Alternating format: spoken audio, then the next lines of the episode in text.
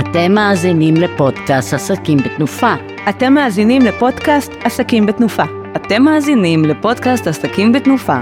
אתם מאזינים לפודקאסט עסקים בתנופה. אתם מאזינים לפודקאסט עסקים בתנופה.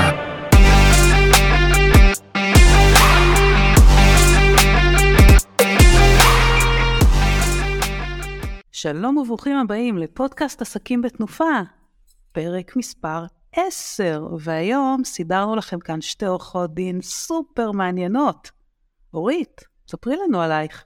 היי, אז אני עורך דין אורית פפר, ואני מתמחה במשפט מינהלי עם דגש על מיסוי עירוני, הפחתת מיסוי עירוני וליווי למכרזים לעסקים שרוצים לגדול. ואני גלית דורון יעקב, אני עורכת דין, בעלים של משרד דורון יעקב, משרד עורכי דין, ואנחנו עוסקים בנדל"ן, אבטחת מידע וייפוי כוח מתמשך. אנחנו רוצות לדבר איתכם היום, וזאת הסיבה שהתכנסנו, על שוק הנדל"ן. כחברות בעסקים בתנופה, שנייה לפני שנדבר על שוק הנדל"ן, אספר לכם קצת על החברות שלנו בקבוצה. אוריטוש, ספרי לנו על uh, מה זה אומר בשבילך להיות חברת B&I. אז אני חברת B&I שבע שנים, אבל מתוך זה שנה אחת בעסקים בתנופה, ואחת הסיבות שהגעתי לעסקים בתנופה, היה ההיכרות שלי עם עורך דין גלית דורון ועם האנרגיות המטורפות שלה, ובכלל הכרתי קבוצה עם אנרגיות שעוזרות לכל בעל עסקים עצמאי לגדול, לדעת את מי לשאול ולא להישאר לבד אף פעם. זה נכון, כשתורית הייתי חייבת להביא לעסקים בתנופה, ובתור, אה, אני כבר מרגישה שאני סוג של אה, זקנת השבט. יש, יש, יש זקנים ממני, אבל אני די הרבה שנים ב-B&I, מאז ומתמיד בקבוצת עסקים בתנופה. אני מאוד אוהבת את הקבוצה הזאת, מאוד אוהבת את מה שזה נותן לי ברמה עסקית, ברמה האישית, ברמת ההתפתחות העסקית והאישית שלי, ותענוג, פשוט תענוג. כיף להיות חברים בקבוצה האנרגטית הזאת. נכון, ובואי נדבר עכשיו על מה שהתכנסנו. אז, שוק אז... הנדל"ן בשנת 2023. זהו, אז האמת שאני הולכת חצי סהרורית ואומרת לעצמי כל היום, וגם למי שמוכן להקשיב אותי, ששנת 2023 היא שנה אחרת. היא שנה אחרת בשוק הנדל"ן בוודאות. אני חושבת שגם בכלכלה, ב- ביתר השווקים, השנה היא שנה אחרת, אבל uh, אנחנו ככה כמי שעוסקות בתחום הנדל"ן רוצות לדבר ספציפית על 2023.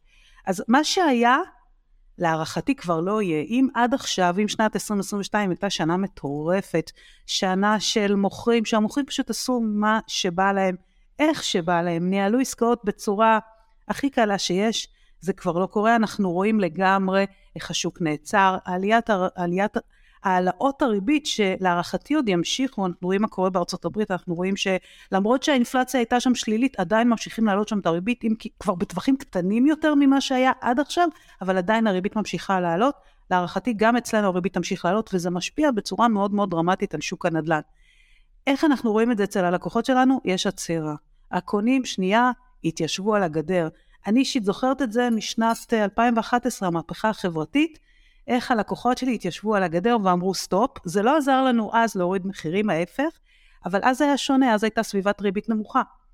אה, הסביבת ריבית אז הייתה נמוכה והמשיכה להיות נמוכה, אה, אל מול הסביבה היום שהיא השתנתה, וזה בהחלט משפיע על הדברים. הסיבה שהחלטנו לדבר על זה, זה שאנחנו רואים וצופים שבהלה שקורית, אני, אני רוצה לקרוא לזה, אולי אני מגזימה קצת, אורית, במינוח בהלה, אבל מין בעלה כזאת שקורית, האנשים מסתכלים על המשכנתאות שלהם ומתחילים לקפוץ, גורמת לאנשים לעצור שנייה ולהתחיל לחשוב. רוכשי דירה שרכשו דירות ושילמו עליהם ככה, מה שנקרא עד השקל האחרון, פתאום רואים שהיום הם במינוס, אין להם את השקל האחרון הזה. כבר רואה את הלקוחות שאומרים, אני לא יכול לעמוד בהחזרי המשכנתה, ואני רוצה למכור. הדרך, המסלול הראשון שאני אומרת להם, תעצרו שנייה אצל יועץ משכנתאות ותבדקו אם יש דרך לעשות עם זה משהו. ואם אין, אנחנו כאן, בואו נעזור לכם למכור. אבל uh, הסיבה שהתכנסנו, uh, אורית ואני, זה כדי בעצם שנייה לדבר על תהליך המכירה. גם נדבר גם על תהליך הקנייה, אבל כשמוכרים, מאוד מאוד מאוד חשוב לעצור שנייה ולהתכונן. ברגע שנערכים נכון למכירה, אפשר לחסוך הרבה הרבה מיסים, כי לא רק, יש את הדברים הסטנדרטיים שחלים, אז uh, קודם כל צריך לראות את הבן אדם ולראות מה יש לו. ויכול להיות שכשאני, לפעמים כשאנחנו יושבות עם לקוחות ואנחנו מדברים איתם על ראייה לטווח ארוך, אם יש לי לקוח שיש לו שתי, שתי דירות שהוא היה רוצה למכור את שתיהן, יכול להיות שדירה אחת, שמכירה נכונה של, אה, של מה מוכרים קודם, היא יכולה לחסוך לו עשרות אם לא מאות אלפי שקלים במיסים. זה דבר אחד. דבר שני, הרבה פעמים, ואני רוצה לדבר פה, אורית, על מקרה שהיה לנו יחד, הרבה פעמים צריך להיערך לקראת מכירה. לקוח שמגיע ויש לו נכס שהוא מפוצל. לפעמים המקרה הזה יכול להוליד, אה, להוליד השלכות מס מאוד מאוד גדולות, והיערכות לפני יכולה לשנות את, ה, את השפעות המס שיכולים לחול בעסקה כזאת, ובאמת אה, הייתה לנו איזו עסקה שעשינו ביחד, אורית ואני, אה, נכס שהיה, שהוא לא היה מפוצל בפועל, אבל הוא היה מפוצל רישומית, ובעצם, אורית, את רוצה ככה... כן, אני רק רוצה שתסבירי על איזה מס את מדברת עם נכס מפוצל. אוקיי, אז, אז אני, אני אגיד מילה, אז יש לנו הרבה מיסים, אני ככה אזרוק, ולמי שבינינו מכיר, מי שלא מכיר, לא נורא, בשביל זה יש אותנו, אבל אני אזרוק, יש לנו את מס שבח, יש לנו היטל השבחה, יש לנו, לפעמים יש לנו חשיפה למע"מ, שזה גם אה, משהו שאנחנו נדבר עליו. לפעמים בכלל יכולים לבוא ולהגיד לנו, תשמעו, העסקה הזאת לא שייכת למס שבח, זה שייך למס הכנסה, מה שמשנה לגמרי את התמונה ויכול מאוד uh, להקפיץ את המיסים ברמה שבן אדם נערך לעסקה מסוימת לקבל סכום מסוים, ואז הוא מוצא את עצמו בהפסד מטורף. כל אלה מושפעים מהנכס, מהנכס, מכמה זמן החזקתי את הנכס. אז אם יש לי לדוגמה דירת מגורים שלכאורה, יכול להיות שמגיע לי עליה פטור. היום יש אפשרות לקבל דירת מגורים, דירה יחידה, אם יש לי, אם זאת דירה יחידה שלי, יש אפשרות לקבל פטור ממס שבח, בתנאים מסוימים, בהנחה שאין לה זכויות בנייה, אבל בוא נניח שיש לי דירה הכי פשוטה שיש, שאין לה זכויות בנייה, אין לה כלום, ואני זכאית לקבל עליה פטור מלא, אבל מה, הייתה לי שם, יצרתי שם חדרון בשביל הבן שלי, ויכול להיות שמבחינה רישומית, או לא מבחינה רישומית, יכול להיות שמבחינת בפועל, המצב הוא כזה שהפכתי את אותה דירה יחידה לשתי דירות. וזה מיד משנה את ההיבט של, אה, של המס שיחול מפטור, פתאום אני נמצאת במקום מקום שאולי יש לי חיוב במס. אנחנו רואים את זה המון בבתים פרטיים שיש פתאום יחידות דיור, שיש להם גישה נפרדת, אז יש לזה המון היבטים של, של רישוי, המון דברים שהם חריגות בנייה, אבל המקרה שהיה לנו זה מקרה שבו דווקא הבית היה כיחידה אחת בפועל, אבל משיקולים היסטוריים היה איזשהו רישום בעירייה של מספר יחידות. כשראינו את זה מראש אמרנו סטופ, אנחנו לא עושים פה עסקה, המלצנו ללקוח, בוא קודם כל תסדיר את זה מבחינה רישומית לפני שאנחנו מתקדמים, וכאן אורית בעצם נכנסה לתמונה. אז היום שכל המערכות מידע פתוחות, בעצם שגלית באה לדווח לרשויות המס של המדינה, הם רוצים אישורים מהעירייה, כי מבחינתם זה ה... הרשות הכי קרובה לנכס, וכאילו שהיא יודעת את כל המידע. אז במקרה שגלית מדברת עליו, מי ששכר את היחידת דיור בתקופה בעבר, שילם ישירות לעירייה. מעל שנה שכירות, משלמים ישירות לעירייה, ואז בעירייה היו רשומים שני נכסים. בפועל היה מדובר על אה, מרתף, שאפילו היה מגיע לו הנחה בארנונה. ואז אמרנו, אוקיי, איך גורמים לנכס לחזור להיות רשום כיחידה אחת, של מגורים פלוס מרתף. ניסחנו פנייה לעירייה שהמרתף היום שהכל עומד ריק, אין שוכרים, שכל הנכס חוזר להיות רשום של בעל הנכס המקורי והוא רוצה לשלם ארנונה על הכל. העירייה בהתחלה התנגדה ולקח לנו זמן להבין שבעצם על מרתף מגיע 50% הנחה וזאת הסיבה שהעירייה מתנגדת. ברגע שפנינו ואמרנו אוקיי כל היחידה היא יחידה אחת לא חשוב שיש מרתף והעירייה לא הפסידה ארנונה התקבל האישור, שונה הרישום, ואז גלית יכלה להגיע לדווח לרשויות המס על יחידת מגורים אחת, והיא חסכה המון כסף ללקוח שלה, וזה פשוט להבין את הרשויות המקומיות מבחינתי ולהכיר את רשויות המס הממשלתיות מבחינת גלית. אה, שיתוף פעולה כזה של אה, עורך דין מקרקין ועורך דין כמוני שמבין במיסוי מוניציפלי זה לא דבר מובן מאליו כי חלק גדול מעורכי הדין של המקרקעין מסתפקים בידע שלהם במס שבח, אולי השבחה, ולא מסתכלים על uh, מיסים נוספים או על ארנונה.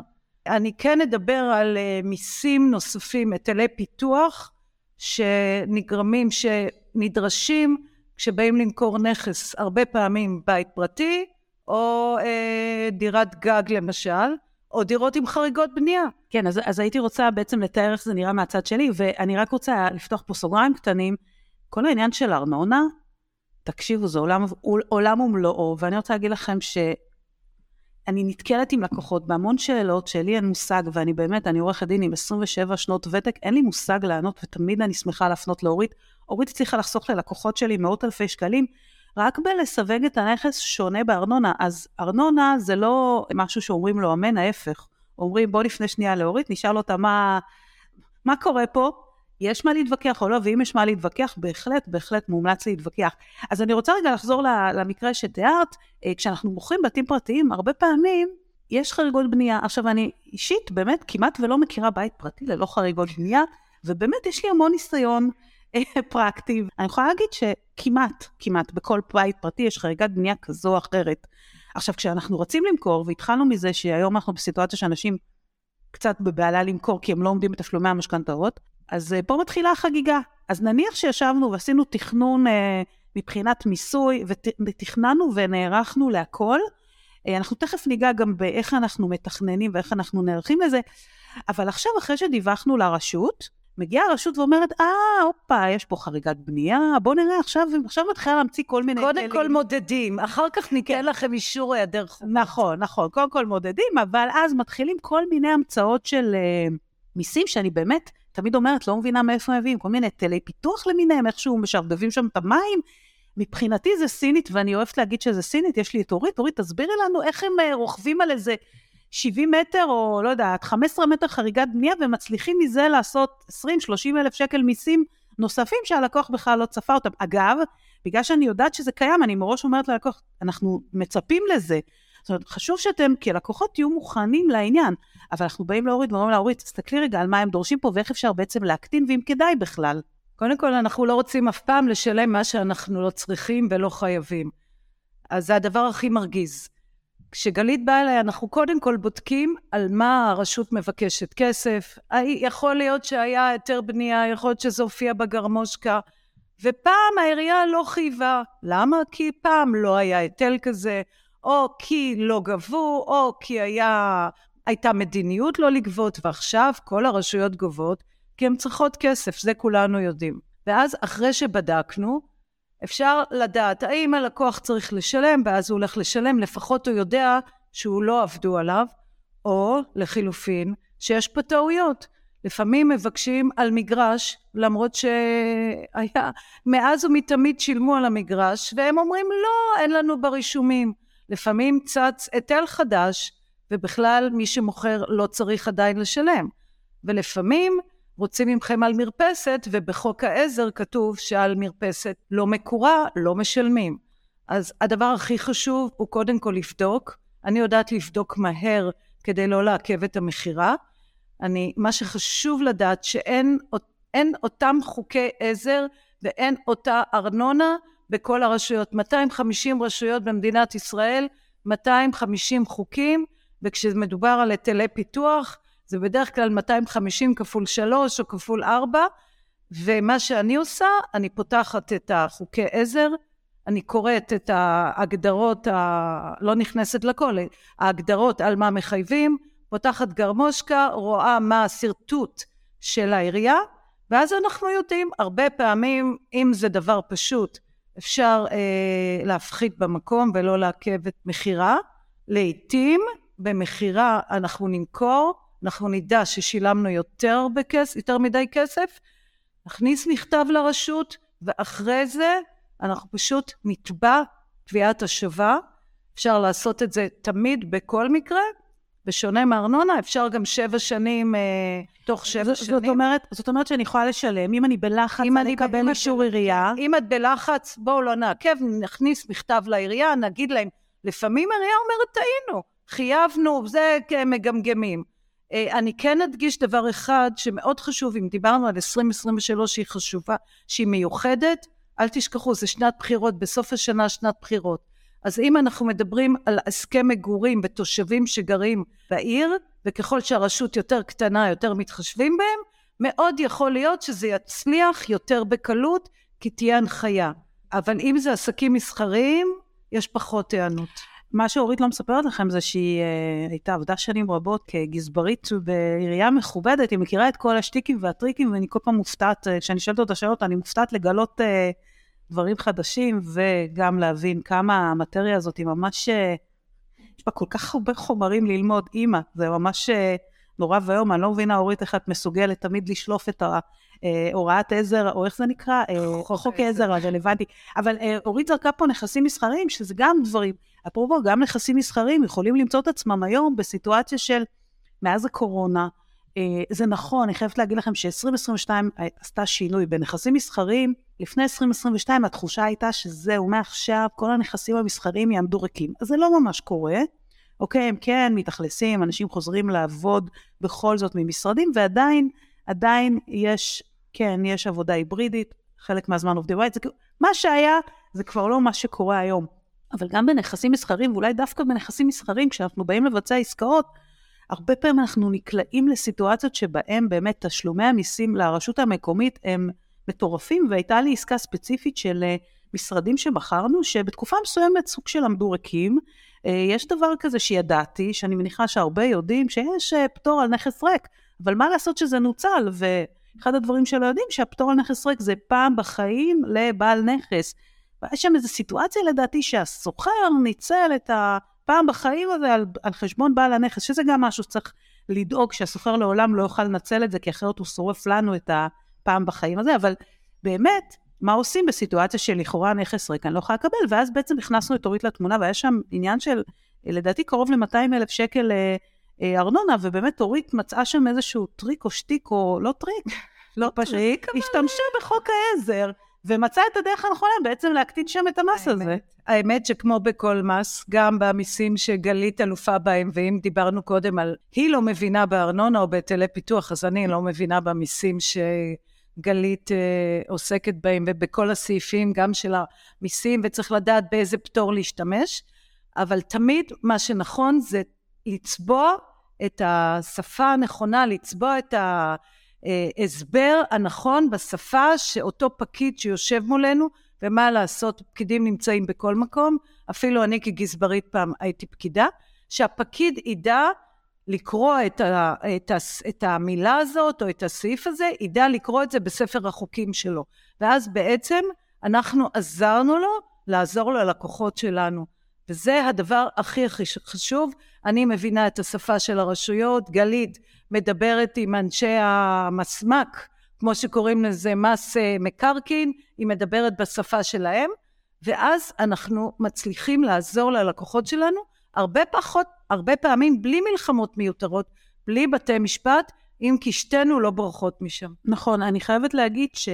אני, שאני התחלתי ואמרתי שחשוב להיערך מראש. אם יש לי דירה יחידה או בית, בית מגורים יחיד, אין סיבה שאני לא אקבל עליו פטור ממס שבח.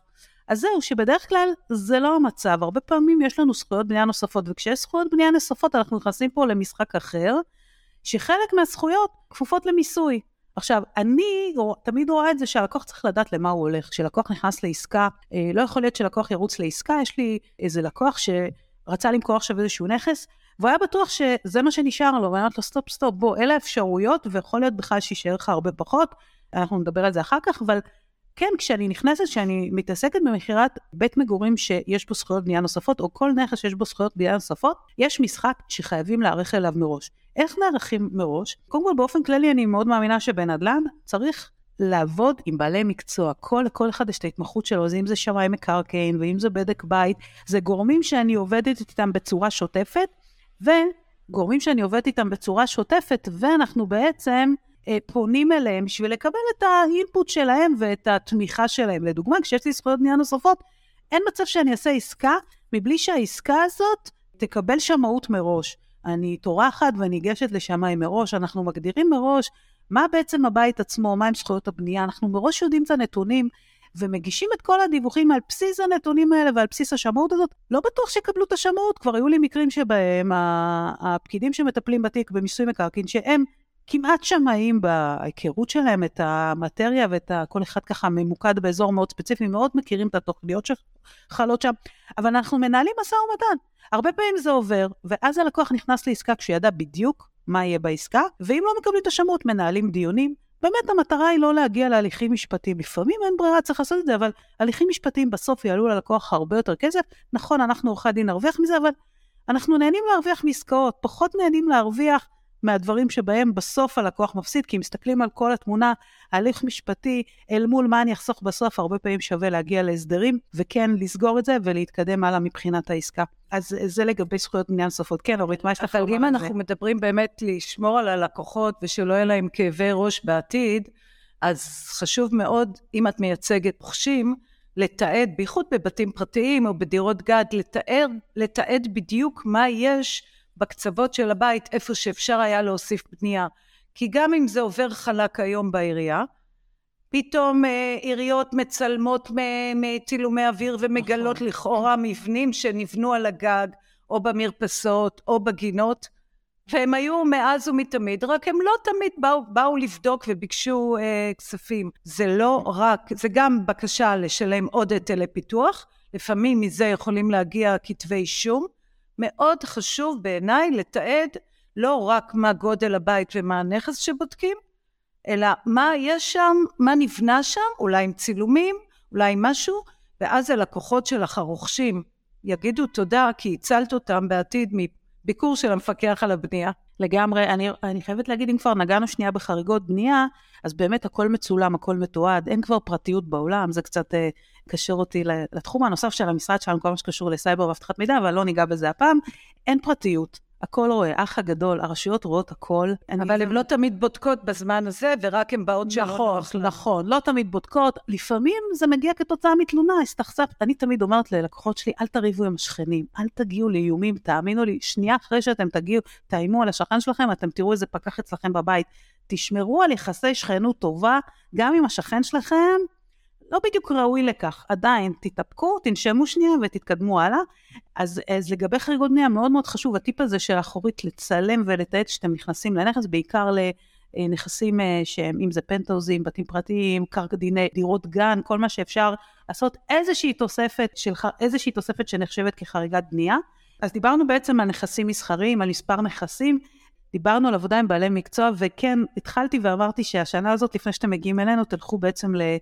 ליועצי משכנתאות, כי יכול להיות שיש דברים שאפשר לעשות עדיין עם סביבת הריבית המאוד מאוד גבוהה, שיועצים יכולים לפתור לכם בכסף קטן מאשר לרוץ ולמכור את הנכס שלכם.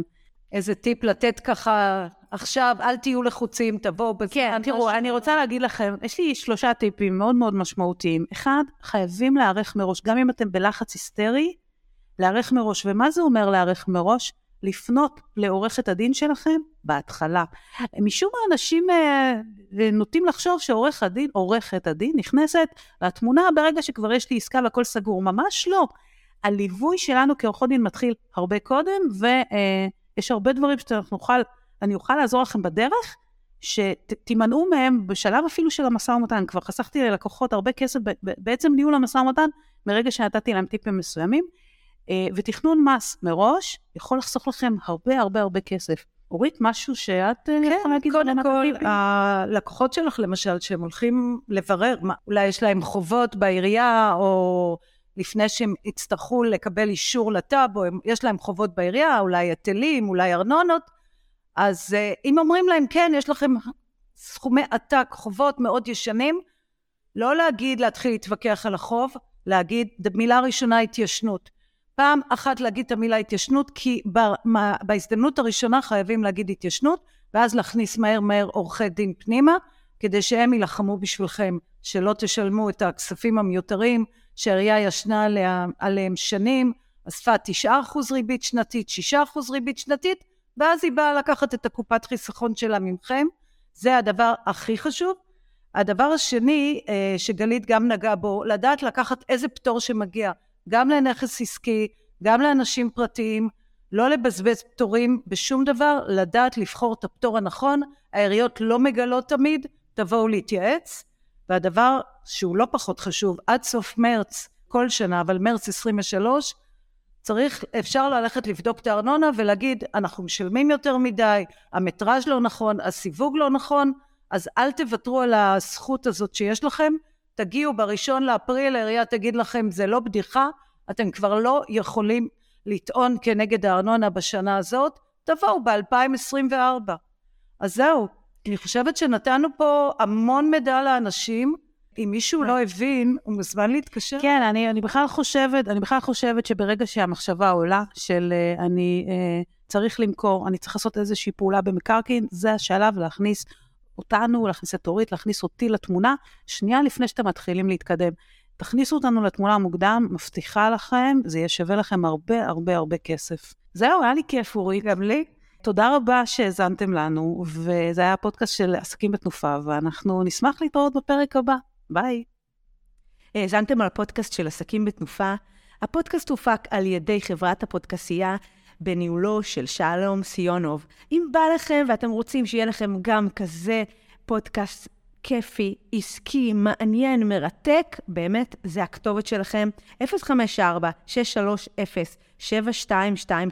כדאי לכם.